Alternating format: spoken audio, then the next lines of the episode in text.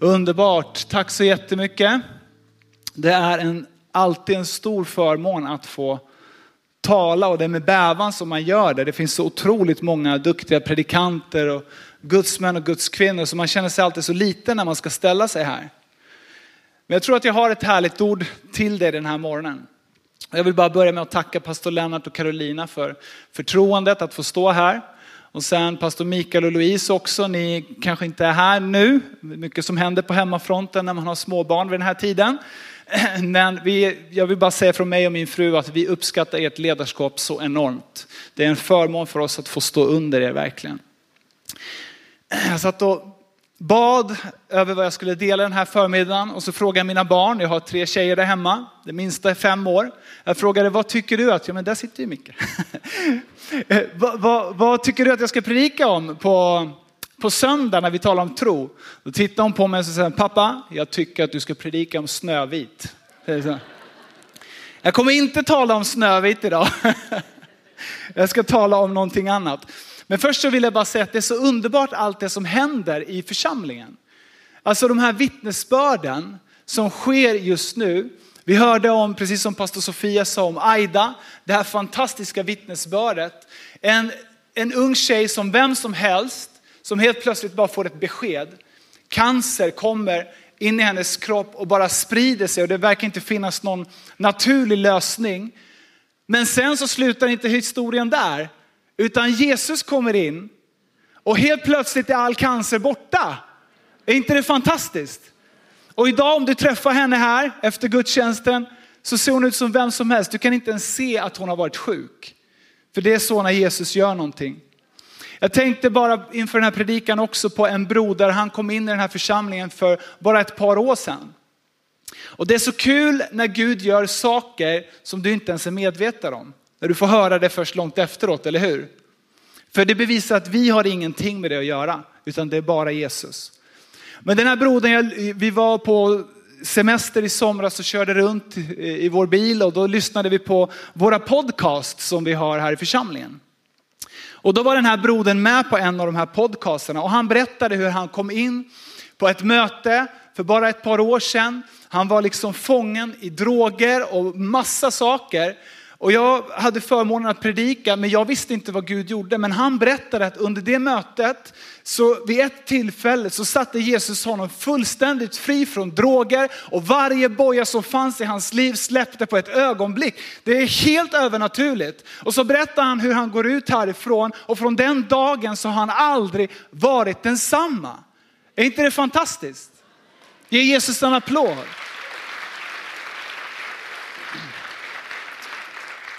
Vi hade en, en släktfest här för två veckor sedan. Det var mycket som har hänt. Vi har haft både julkonserter, vi har haft olika outreaches och till råga på det så hade vi en släktfest här för två veckor sedan, en söndag. Det var massa släktingar och kusiner som jag inte har träffat kanske på 15 år.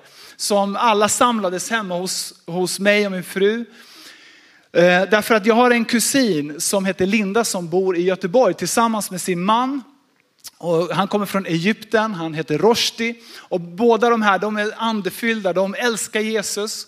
Och det var så härligt för flera av mina släktingar, de, skulle, de är inte frälsta. Men vi satt där och bara pratade om vad Jesus gör. Och så berättade han sitt vittnesbörd, för vi, har liksom inte, vi var på deras bröllop men vi har inte hunnit liksom lära känna varandra på riktigt. Så det var jättehärligt att prata med honom. Och så berättade han hur hans mamma också blev diagnostiserad med levercancer. Och doktorn sa till familjen så här att hon har max två veckor kvar att leva. Max två veckor kvar att leva. Så de kommer hem, han berättar hur familjen samlas och så bara ber de. De bara ber till Jesus och sen så somnar mamman. Och nästa morgon så kommer hon gåendes. Och Rushdie säger, mamma, mamma du måste gå och lägga dig. Då tittar hon på honom och säger, jag är helad. Och här är våran tro som människor så underbar. Då säger han så här, nej, nej, nej mamma, det är medicinerna som talar, gå och lägg dig. Och då blir hon arg, så säger hon till honom, jag är helad, säger hon. Och sen börjar hon berätta för, för familjen vad som hade hänt. Hon sa att under natten så kom Jesus hon kunde inte säga om det var en dröm eller om det faktiskt var liksom att hon var vaken. Men hur som helst så kom Jesus till henne på natten och så säger han, nu tar jag ut din sjuka lever och jag ger dig en ny lever. De går tillbaka till läkaren och det finns inte ett enda spår av cancer. Och det här var 12 år sedan. Så Jesus är fantastisk, eller hur? Och det här är någonting som vi människor, alltså vi lever i det här just nu. Det händer saker hela tiden. Du hörde vittnesbörden. Du hörde också böneämnena, behoven som finns hos människor.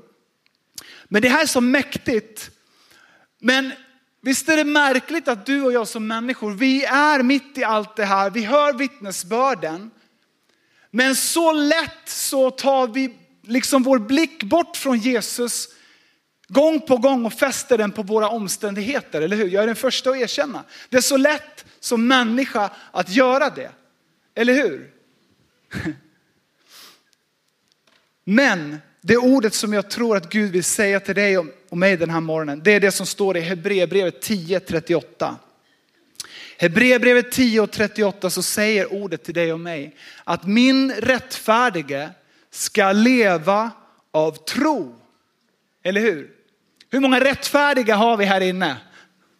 Lite så här Svensson, oh, inte ska väl jag. Om du har bekänt Jesus, om du har blivit renad genom lammets blod, så säger ordet att du är rättfärdig. Eller hur? Gud ser på dig som om du aldrig hade syndat. Första Johannes 1 och 9, om vi bekänner våra synder så är Gud trofast och rättfärdig. Han förlåter oss, eller hur? Och han renar oss med sitt dyrbara blod. Så jag frågar än en gång, hur många rättfärdiga finns det här inne? Amen. Och du som inte är rättfärdig, du kan få bli rättfärdig idag. Genom att bara bekänna Jesus. Okej? Okay? Men om du är rättfärdig, vad, vad, vad förväntar sig Gud av dig och mig då? Att vi ska leva av tro, eller hur? Min rättfärdige ska leva av tro. Och om du fortsätter läsa Hebreerbrevet nästa kapitel så står det något ännu mer fascinerande i vers 6. Där står det så här. Men utan tro så är det omöjligt att behaga Gud. Utan tro så är det omöjligt att behaga Gud. Det här är en så fascinerande tanke. Tänk att du har förmågan att behaga Gud. Du har förmågan att göra Gud glad. Eller hur? Efesierbrevet 4.30 säger så här. Bedröva inte Guds helige ande som ni har fått som ett sigill för förlossningens dag. Så ordet säger att du och jag, vi kan också göra Gud ledsen. Vi kan bedröva honom. När du blev frälst, när jag blev frälst så fick vi ta emot den helige ande, eller hur? Och från den dagen så har vi fått liksom en inre kompass som hela tiden pekar på vad som är rätt, vad vi borde göra.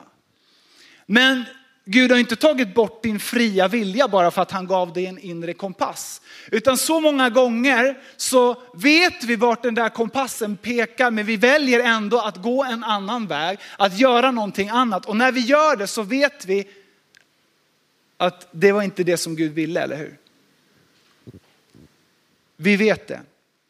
Men jag tycker att det är roligare att prata om att vi kan göra Gud glad. Eller hur? Du kan sätta ett leende på Jesus läppar. Du kan få Jesus att skratta. Vill du få Jesus att skratta? Vet du hur du får honom att bli glad? Det är genom att leva ett liv av tro. Eller hur? Det är precis som ordet säger, att leva av tro. Och vad betyder det? Jo, det betyder att du och jag väljer att tro på det som Gud säger. Och vi väljer att agera på det fast det kan verka så konstigt ibland. Har du varit med om att Gud har sagt någonting till dig som det här, det här är så ologiskt, det här är jättekonstigt. Jag kollar bara på Jesus, en blind kommer fram, helt plötsligt så börjar han spotta på marken och göra en deg och smeta på hans ögon och så säger han gå och tvätta dig. Det är konstigt, eller hur? Men han fick sin syn när han gjorde det. Det är så mycket saker i Bibeln som är ologiska, men det är det som är ett liv av tro. Och det är det jag ska tala lite kort om idag. För jag tror att Gud vet att du och jag, vi behöver tro i den här tiden som vi går in i, in i just nu. Så du kan bara säga efter mig, säg så här. Utan tro är det omöjligt för mig att behaga Gud. Och så säger du så här, Jesus, ge mig tro som får dig att le. Amen. Om du har din bibel med dig så ska vi läsa från Lukas kapitel 8. Och vi ska strax läsa från den 40 versen.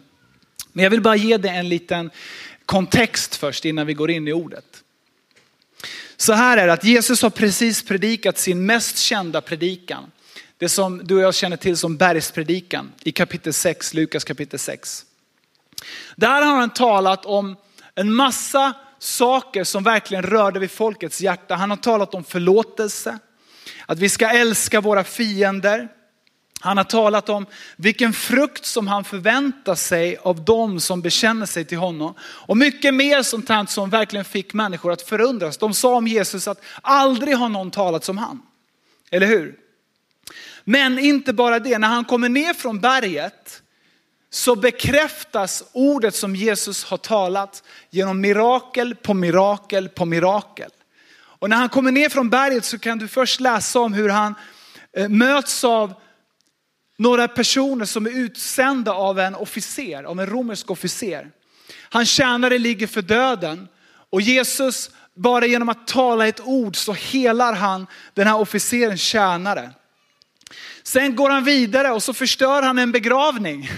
Han kraschar en begravning, han går rakt in. De håller på att begrava en ung man, men Jesus går fram, han rör vid båren och han väcker upp den här unga mannen och det blir fest istället för sorg. Och sen om du läser vidare i kapitel 7 så kan du läsa om hur han börjar bota många människor från sjukdomar. Det står plågor och onda andar och så står det så här, många blinda fick synen tillbaka. Det betyder, det var inte bara två eller tre, det var en massa blinda människor som fick sin syn tillbaka. Det står att lama började gå, spetälska blev rena, till och med döda började uppväckas och döva fick sin hörsel. Och jag tror att man kan säga att det var lite väckelse där Jesus gick fram, eller hur? Vad är väckelse? Du kanske är helt ny i kyrkan, du vet inte ens vad ordet väckelse är. Väckelse, det är när människor vaknar. Och så börjar man lyssna till evangelium, till Guds ord. Och så börjar man tro på Jesus. Det var väckelse där Jesus gick fram, eller hur? Och nu så kommer vi in i kapitel 8 och i vers 40 så läser vi så här. Att när Jesus kom tillbaka så tog folket emot honom eftersom alla väntade på honom. Då kom det fram en man som hette Jairus och han var föreståndare för synagogan. Han föll ner för Jesu fötter och bad att Jesus skulle komma hem till honom. Han hade en enda dotter som var i tolvårsåldern och hon låg för döden. Jesus gick då med och folkskaran trängde sig in på honom. Bara pausa där. Du, kan du se det här? Det är så många människor som följer efter Jesus. Alla vill komma och röra vid Jesus. Alla vill ha någonting från Jesus och sen så kommer den här synagogsföreståndaren Jairus. Och jag vet inte hur, men han lyckas komma fram till Jesus och, och, och få honom att gå med på att liksom lämna alla de andra för att följa med Jairus hem till honom för att möta hans behov. Kanske var duktig på att övertala, jag vet inte. Men mitt i det här, de, Jesus börjar precis gå med Jairus på väg hem till hans hus så händer någonting annat. Det kommer en annan kvinna och hennes liv är en hel predikan i sig själv. Du kan läsa om henne, hur hon också varit sjuk i 12 år. Lika länge som Jairus dotter hade levt så hade den här kvinnan haft en sjukdom som hon inte hade kunnat bli fri från. Och hon var helt desperat. Men hon hade vid ett tillfälle också hört talas om Jesus.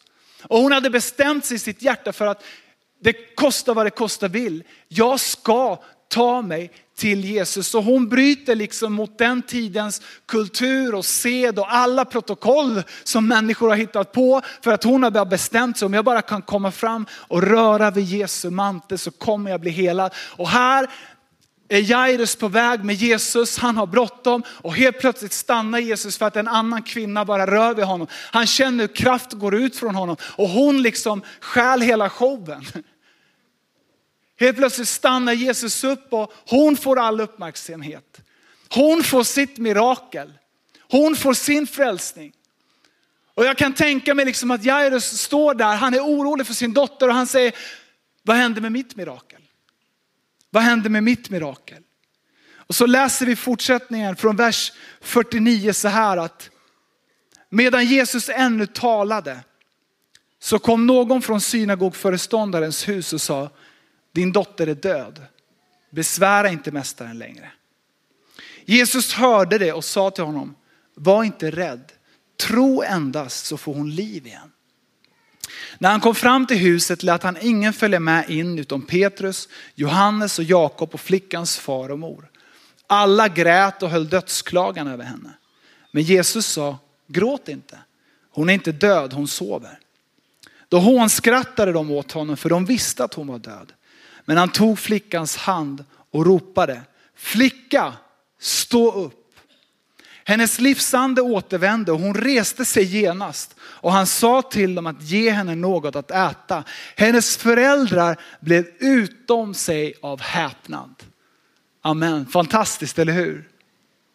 Det första jag vill säga den här förmiddagen det är att varje person kommer att gå igenom svåra tider. Det spelar ingen roll om du är kung eller bonde. Det spelar ingen roll om du bor i en paradvåning eller en trång etta någonstans. Det spelar ingen roll hur, din, hur ditt liv ser ut. Vi människor kommer alla någon gång att gå igenom svårigheter. Om du inte har gjort det så vill jag uppmuntra dig med det. En uppmuntrande predikan Martin. Men varför är det så här? Jo, för att det är sanningen. Våra liv, de går i säsonger och svåra tider kommer. När jag tog emot Jesus, nu är det faktiskt över 20 år sedan. Jag trodde att jag skulle bli så vaccinerad mot, att, mot svårigheter. Att, men nu när jag tagit emot Jesus, då kommer livet bli enkelt. Men tyvärr så är det inte så. Utan svårigheter kommer, men de goda nyheterna det är att mitt i svårigheterna och har du möjligheten, du har alltid en möjlighet att vända dig till Jesus och tillsammans med honom komma igenom de där svårigheterna. Amen. Vi människor, vi vill gärna slippa svårigheter. Vi vill gå runt svårigheter. Vi hittar på egna sätt att komma runt svårigheter. Men jag vet att varje gång jag har gjort det så har det bara blivit pannkaka. Det Jesus vill göra är att han vill ta dig i handen och han vill ta dig igenom dina svårigheter. Så att du kommer ut på andra sidan tillsammans med ett vittnesbörd som kan beröra andra människor. Amen. Den rättfärdige ska leva av tro, säger Bibeln. Amen. Så det första är uppmuntrande, att svårigheter kommer. Men det andra som jag vill säga till dig, det är egentligen en fråga och det är vart går du och hur går du när svåra tider kommer? Vad menar jag med det? Jo, Jairus han var en synagogsföreståndare. Det betyder att han hade en hög ställning i samhället. Han var en aktad person, en aktad religiös ledare. Och det var inte alls självklart att han skulle ödmjuka sig på det här sättet och gå till den här Jesus som det fanns vitt skilda meningar om på den här tiden för att be om hjälp. Men Jairus var någonting mer. Utöver att vara en ansedd man, utöver att vara betrodd med en fin titel, så var han också en pappa. Eller hur? Bibeln säger att han hade en enda dotter i tolvårsåldern. och nu låg den här dottern för döden. Och jag skulle bara vilja fråga, hur många pappor finns det här inne i den här lokalen idag?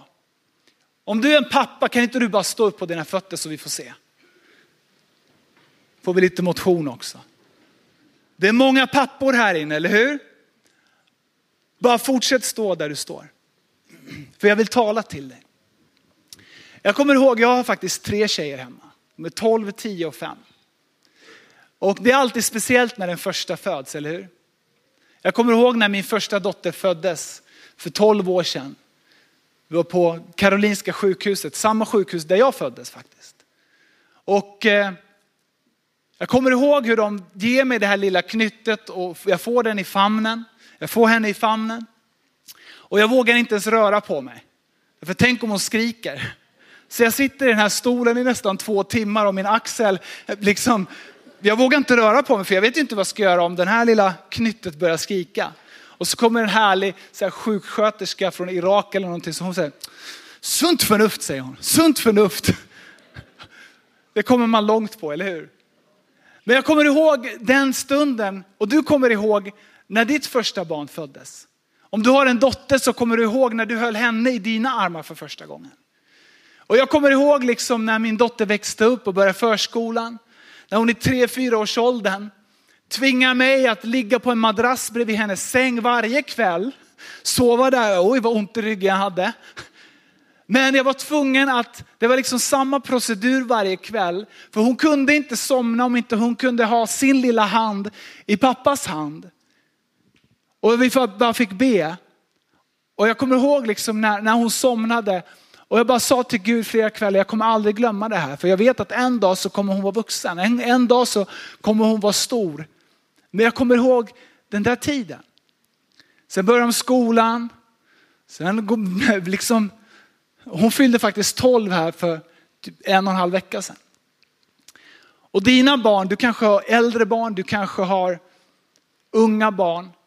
Men det Gud vill säga till dig den här dagen, det är att du är deras främsta exempel. Du är en reflektion av den himmelske fadern för dina barn. För din dotter eller för din son så är du det närmaste som han eller hon kan se Gud. Hur du lever, hur du talar, dina ord reflekterar Gud. Kan du förstå hur viktig du är för din son och din dotter? Amen. Ska vi bara sträcka våra händer mot de här papporna som står här. För vi behöver nåd från Gud. Ingen av oss är perfekt utan varje dag behöver vi nåd. Så Fader jag bara tackar dig Herre för varje pappa Gud som står upp just nu. Jag tackar dig Fader för att din nåd och din hand ska komma över deras liv på ett speciellt sätt just nu. Fader, ingen av oss är perfekt. Vi är alla beroende av din nåd. Men jag tackar dig Fader för att den här förmiddagen så ger du oss som pappor en möjlighet att ändras. Om det finns saker i våra liv som vi behöver ändra, som du vill att vi ska ändra, så är det här en sån dag då du kallar oss tillbaka. Du kallar oss att vara de fäder som reflekterar vår himmelske far. Hjälp oss Herre, i Jesu namn. Amen. Ska du ge de här papporna en stor applåd? Varsågod och sitt.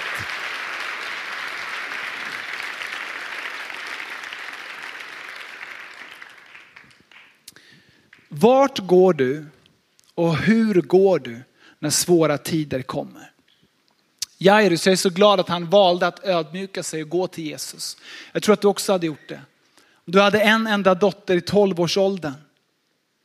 Och det är det här du och jag behöver göra när svåra tider kommer i våra liv. Den första platsen som vi måste lära oss att springa till, det är till Jesus. Det är till Jesus. Och vi kan inte komma till Jesus om vi är fulla av vårt eget. Om vi ska liksom diktera villkoren för Gud och säga så här, du måste göra på det här sättet. Nej, vi måste vara som Jairus. Det står att trots sin titel, trots sin liksom status så föll han ner i ödmjukhet för Jesu fötter därför att han var desperat. Han sa Gud, jag har ingen väg ut längre. Jag behöver dig och på samma sätt så behöver du och jag bara tömma våra hjärtan inför Gud i de här svåra situationerna som kommer i våra liv. Därför att det som händer är att när du tömmer dig på dig själv så kan Gud fylla dig med sin ande, med sin tro. Och helt plötsligt när du reser dig därifrån och fortsätter gå så går du inte längre själv utan du vet att du vet att du vet att Jesus går med dig igenom den här situationen. Amen. Det sista jag vill nämna den här dagen det är att de flesta av oss här inne, vi gillar att ha massa valmöjligheter, eller hur? Hela samhället är uppbyggt på det. Att vi ska ha massa valmöjligheter hela tiden. Jag vet inte om du beställt en ny bil någon gång. Men du vet, du, får, du, du gillar valmöjligheter. Du vill inte att alla bilar ska se exakt likadana ut, utan du vill välja din färg, dina fälgar, din liksom inredning. Om du kanske har köpt någon nyproduktion någon gång så har du, brukar du få vara med och välja liksom, ja, men ytskikt och både det ena och det andra så att det blir som du vill ha det, eller hur? Du kanske ska gå på restaurang efter gudstjänsten idag. Visst vore det tråkigt att få en meny liksom med en rätt. Du får beställa vad du vill, bara du beställer det här. Det hade ju varit tråkigt. Du vill ha valmöjligheter. Vi människor, vi gillar valmöjligheter. Varför gör vi det? Därför att vi gillar att ha kontroll. Vi gillar att bestämma hur saker och ting ska gå till. Men visste du att de största miraklerna som vi kan läsa om i olika människors liv i Bibeln, de kom när alla valmöjligheter var slut. När alla möjligheter till att se en lösning på situationen var uttömda, då klev Gud in. Då skedde de största miraklerna. Och varför är det så? Jag vet inte. Men jag tror att ett skäl till det, det är att Gud, han gör aldrig saker och ting så som vi förväntar oss. Jag kan garantera dig att om du har en plan för hur din bror ska bli frälst, hur din syster ska komma till Gud, hur din mamma och pappa ska försonas, det kommer inte gå till på det sättet. Det kommer alltid gå till på ett helt annat sätt. Varför? Jag vet inte. Men Gud är Gud. Och han gör som han vill, eller hur? Inte som vi vill. Och jag tror att det var, det var exakt det här som hände Jairus också. Han hade liksom ett sista hopp, han hade en sista dörr. Han tänkte att nu kommer jag till Jesus, Jesus ska följa med mig. Och jag ser liksom framför mig hur Jesus ska komma fram till min dotter och han ska kanske be en bön, kanske lägga handen på henne och så ska hon bli frisk. Men vad är det som händer? Till och med den sista dörren som Jairus hade hoppats på stängs. Och han ser ingen annan utväg. För att det står så att de kom till honom med nyheterna och sa, din dotter är död. Besvära inte mästaren längre. Kan du tänka dig hur han kände på insidan? Liksom allt hopp var ute. Det fanns ingenting mer som Jairus kunde göra i sig själv och allting såg så mörkt ut. Men vet du vad som händer när den där sista dörren som du hade hoppats på till slut stängs? Då kliver Gud fram och så säger han, nu kan jag ta över. Får jag ta över? Och då kan miraklet ske i ditt liv. Och Jesus han gör saker och ting som han vill, inte som vi vill. Och som sagt, jag vet inte varför, men jag tror att det kan vara ibland att han vill bara påminna oss under resans gång att vet du, det är inte jag som följer dig, utan du följer mig. Eller hur? Det är inte Jesus som följer oss, utan när, när han säger till oss, följ mig, så är det vi som ska följa honom. Oavsett vart livet leder. Eller hur? Så Jesus säger, han lyssnar inte till de här orden som kommer in i Jairus hjärta, utan han säger bara så här, var inte rädd. Tro endast så får hon liv igen. Var inte rädd. Tro, eller fruktan har liksom ingen plats i ditt och liv, mitt liv som kristna, utan vi ska, inte, vi ska inte ha fruktan. Tro endast. Den rättfärdige ska leva av tro som vi läste, eller hur? För då får hon liv igen. Gud säger att miraklet kan ske på mitt sätt. Och så kan vi läsa om hur Jesus går in i det här huset. Det liksom stinker av sorg och död på den här platsen. Men när livets första kommer in så måste död ge vika, eller hur? Vi kan bara få upp någon som spelar på pianot också. Vi ska gå mot avslutning. Men den här familjen får, får sitt mirakel. Vi läste att, att de var förundrade. Den här lilla flickan får liv och hela familjen kommer igenom. Amen. Gud vill att du ska komma igenom. Det är mitt ord till dig den här dagen. Och när vi säger ja till Jesus så ger han oss inte en massa valmöjligheter som du och jag älskar att ha, som vi pratade om tidigare. Utan han säger bara följ mig och så måste vi följa. Och sen om han väljer att leda dig igenom en massa saker som du själv kanske inte hade valt att gå igenom för att komma dit Gud vill ha dig. Det är han som är Herre, eller hur? Det är inte du och jag. Om du läser Bibeln, det finns massa sådana här historier. Du läser om Daniel. Han kommer liksom som flykting från ett land till ett annat land. Han får liksom bli upphöjd. Därför att han, vill, han älskar Gud, han, han vill inte kompromissa med det som Gud hade för honom. Men vad är det som händer? Daniel får gå igenom en lejonkula med hungriga lejon för att komma dit Gud hade tänkt. Det kanske inte var så kul just då, men när han hade kommit igenom så blev det ett vittnesbörd som berörde en hel nation. Daniel hade några vänner, de fick gå igenom en brinnande ugn för att komma dit Gud ville ha dem. Josef, Prince of Egypt, kanske du har sett filmen. Han fick gå igenom slaveri och fängelse för att komma in i sin kallelse, in i faraos palats. Men han förtröstade på Gud genom allt. Och så har vi Jesus själv. Han fick gå igenom korset. Han fick gå igenom det största lidandet, ett obeskrivligt lidande. Och det som såg ut som ett enormt misslyckande, när man såg honom hänga där naken, blodig, misshandlad. Det står att på hans kropp fanns ingenting helt. Han var som ett öppet sår från huvudet till fotbladen. Det såg ut, det såg mörkt ut. Det såg ut som att nu är det kört. Men det som såg ut som det största misslyckandet blev till den största segern som mänskligheten någonsin har fått uppleva. För genom hans blod, genom hans död så kan varje människa som bara säger Jesus, jag vill ha dig. Jag vill ha syndernas förlåtelse. Jag vill ta emot rening i Lammets blod. Ditt oskyldiga blod som du utgöt för mig vill jag ta emot. Och då kan du få vara med om det största miraklet.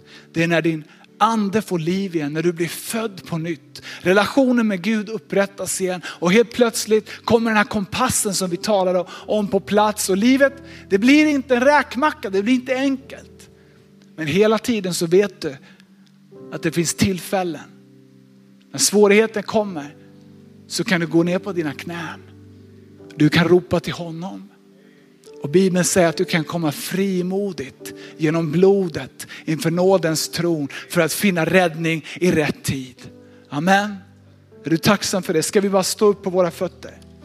Den här stunden. Jag tror att Gud vill ge dig tro för att komma igenom den här dagen. Du och jag, vi behöver tro för den tid som vi går in i. Amen. Vi ska inte se på det som våra ögon ser, utan vi ska ha tro. Amen. Halleluja. Jag bara tänker också bara avslutningsvis på Israels folk. Tänk dig om du har läst det här, Israels folk de satt i slaveri i 400 år i Egypten. Och så sänder Gud Mose. Guds tid för befrielse var inne och han sänder en person som, som genom under och tecken får ut hela folket. Farao tvingas släppa folket för han kan inte stå emot Guds hand. Guds hand kommer över en människa och när det gör det så finns det ingenting som kan stå emot den människan. Och idag ska Guds hand komma över ditt liv. Om du har den längtan. Men Gud sänder Mose och hela folket kommer ut. Och det sker mirakel på mirakel på mirakel. Gud frälser dem från slaveri. Och den natten när de drar ut så står det att det fanns ingen som var sjuk bland dem. Varenda en hade blivit helad. Ingen var fattig och de hade fått ta med sig Egyptens alla rikedomar. Det var fest, det var glädje. De hade fått ett löfte från Gud att nu ska de komma dit Gud har sagt. Men vet du vad det första Gud gör när han tar dem ut ur Egypten? Han tar dem, Gud leder dem till en plats där det inte finns en enda valmöjlighet. Den första platsen som de kommer till är en plats där de har ingenting åt vänster, där de kan gå, ingenting till höger, där de kan gå för det var bara berg. Bakom dem så kommer en blodtörstig armé som är redo att förgöra dem och framför dem så har de bara Röda havets vågor som dånar. Det finns ingenstans och de bara, Gud har du tagit oss hit har du tagit oss hit till den här platsen? Vi hade ju kommit igenom. Vi hade kommit ut, jag trodde att det var slut. Att prövningen var över. Men Gud leder dem till den platsen. Varför?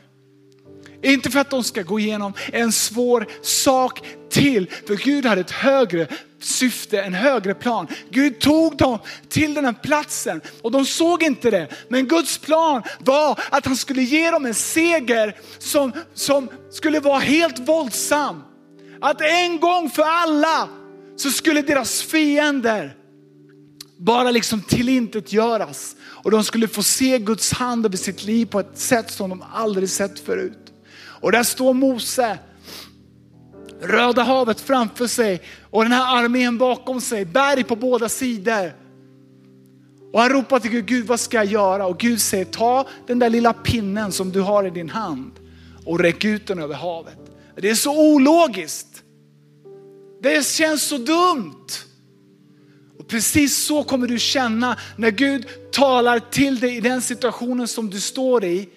Som ser helt omöjlig ut. Gud kommer säga någonting som du inte har hört någon predika om, du har inte hört någon vittna om det. Men just på grund av att han är personlig så kommer han tala in i ditt hjärta exakt hur du ska göra. Och Mose han lyfter den här pinnen över havet. Och då kommer miraklet. Hela liksom Röda havet bara klyvs och folket går igenom. Och de bara tittar liksom med förundran. Jag är säker på att det fanns någon litet barn. Hade jag gått där så hade jag liksom säkert bara touchat lite grann. Känt lite på det här vattnet som bara reser sig som en stor vägg på höger och, och vänster. Men de kom igenom. Och när de hade gått igenom så fick de se varje fiende falla. Du ska komma igenom den här dagen. Den rättfärdiga ska leva av tro. Ge inte upp. Du som är här, du som går igenom någonting som i det mänskliga är omöjligt. Gud vill ge dig tro den här dagen för att du ska gå igenom. För det är inte med någon människas kraft eller styrka, det är genom den helige ande. Amen. Och jag skulle bara vilja att vi sluter våra ögon just nu. Alla i den här lokalen, i respekt för varandra och i respekt inför Gud. Om du finns här och du känner inte Jesus, du har aldrig gjort honom till Herre i ditt liv, så är min första inbjudan till dig om du vill ge Jesus utrymme i ditt hjärta. Du kanske har försökt gå höger, du har försökt gå vänster. Det finns ingen väg bak, det finns ingen väg fram. Och det känns som att allting bara är mörkt. Men då vill jag säga till dig, du är inte här om en slump. Den heliga ande, Guds egen ande har dragit dig hit för att han vill möta dig. Han vill komma in i ditt hjärta, han vill föda dig på nytt och han vill göra mirakler i ditt liv och i din familj. Om du finns här och du säger Martin, jag vill ta emot emot Jesus. Jag kanske inte förstår exakt vad det innebär, men jag känner här på insidan att det bultar. Jag känner här på insidan att du talar in i mitt liv. Om du är här och du vill ta emot Jesus, så bara precis som Mose räckte upp den här pinnen, så bara räck upp din hand just nu. Inför mig och inför Gud, tack så mycket. Jag ser flera händer, massor med händer över hela lokalen. Gud är här och han vill möta dig. Gud är här för han vill befria dig. Gud är här för att han har bestämt att den här dagen så ska du få ett nytt liv. I Jesu namn. Och jag skulle bara vilja göra så här just nu att varenda person som har lyft sina händer, det är många. Jag vill att du bara ska ta ett steg av tro. Du ska bara ta ett steg ut. Och så ska du bara komma och ställa dig här framme och så ska vi be för dig. Och du som är kristen, bara fråga den, den som står till höger och vänster om dig. Bara fråga om du vill gå fram så går jag jättegärna med dig. Därför att det här är din tid. Vänta inte, det finns tider och det finns stunder och nu vill Jesus möta dig. Så bara kom just nu i Jesu namn. Varsågod och kom så ska vi be.